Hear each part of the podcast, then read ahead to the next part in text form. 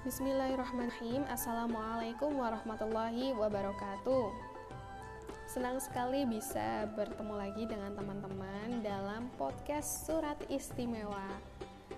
Ya, jadi saya mau tanya dulu nih ke teman-teman. Pasti sudah hafal ceritanya mulai dari kecil ya Tentang Nabi yang terkenal dengan ketampanannya. Nabi siapakah itu? Betul sekali, Nabi Yusuf jadi, Nabi Yusuf ini namanya menjadi salah satu nama di dalam surat di dalam Al-Qur'an. Surat Yusuf terdiri atas 111 ayat, termasuk golongan surat-surat Makkiyah karena diturunkan di Mekah sebelum hijrah. Surat ini dinamakan surat Yusuf adalah karena titik berat dari isinya mengenai riwayat Nabi Yusuf alaihissalam. Riwayat tersebut salah satu di antaranya cerita-cerita gaib yang diwahyukan kepada Nabi Muhammad SAW sebagai mukjizat bagi beliau. Sedang beliau sebelum diturunkan surat ini tidak mengetahuinya. Menurut riwayat Al-Baihaqi dalam kitab Ad-Dalail bahwa segolongan orang Yahudi masuk agama Islam sesudah mereka mendengar cerita Yusuf alaihissalam ini karena sesuai dengan cerita-cerita yang mereka ketahui.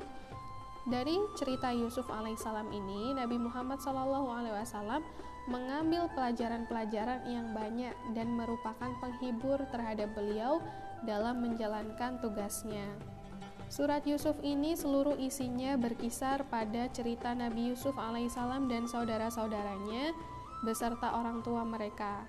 Cara penuturan kisah Nabi Yusuf ini kepada Nabi Muhammad SAW berbeda dengan kisah-kisah Nabi yang lain, yaitu kisah Nabi Yusuf alaihissalam ini khusus diceritakan dalam satu surat, sedangkan kisah-kisah nabi-nabi yang lain disebutkan dalam beberapa surat. Isi dari kisah Nabi Yusuf alaihissalam ini berlainan pula dengan kisah-kisah nabi-nabi yang lain. Dalam kisah nabi-nabi yang lain, Allah menitik beratkan kepada tantangan yang bermacam-macam dari kaum mereka. Kemudian mengakhiri kisah itu dengan kemusnahan para penantang para nabi itu. Di dalam kisah Nabi Yusuf alaihissalam ini, Allah Subhanahu wa taala menonjolkan akibat yang baik daripada kesabaran dan bahwa kesenangan itu datangnya sesudah penderitaan. Allah menguji Nabi Yakub alaihissalam dengan kehilangan putranya Yusuf alaihissalam dan penglihatannya dan menguji ketabahan dan kesabaran Nabi Yusuf alaihissalam dengan dipisahkan dari ibu bapaknya, dibuang ke dalam sumur dan diperdagangkan sebagai budak.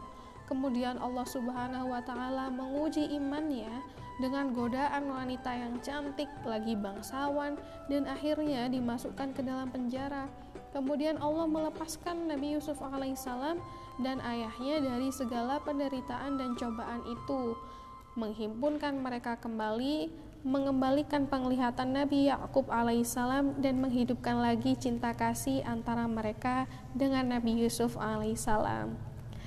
Saya senang sekali ketika saya membaca surat Yusuf ini. Jadi ceritanya sangat menarik dan mudah-mudahan teman-teman tetap terus semangat membaca Al-Quran, memahami maknanya, dan juga mengamalkan isinya. Sampai jumpa lagi.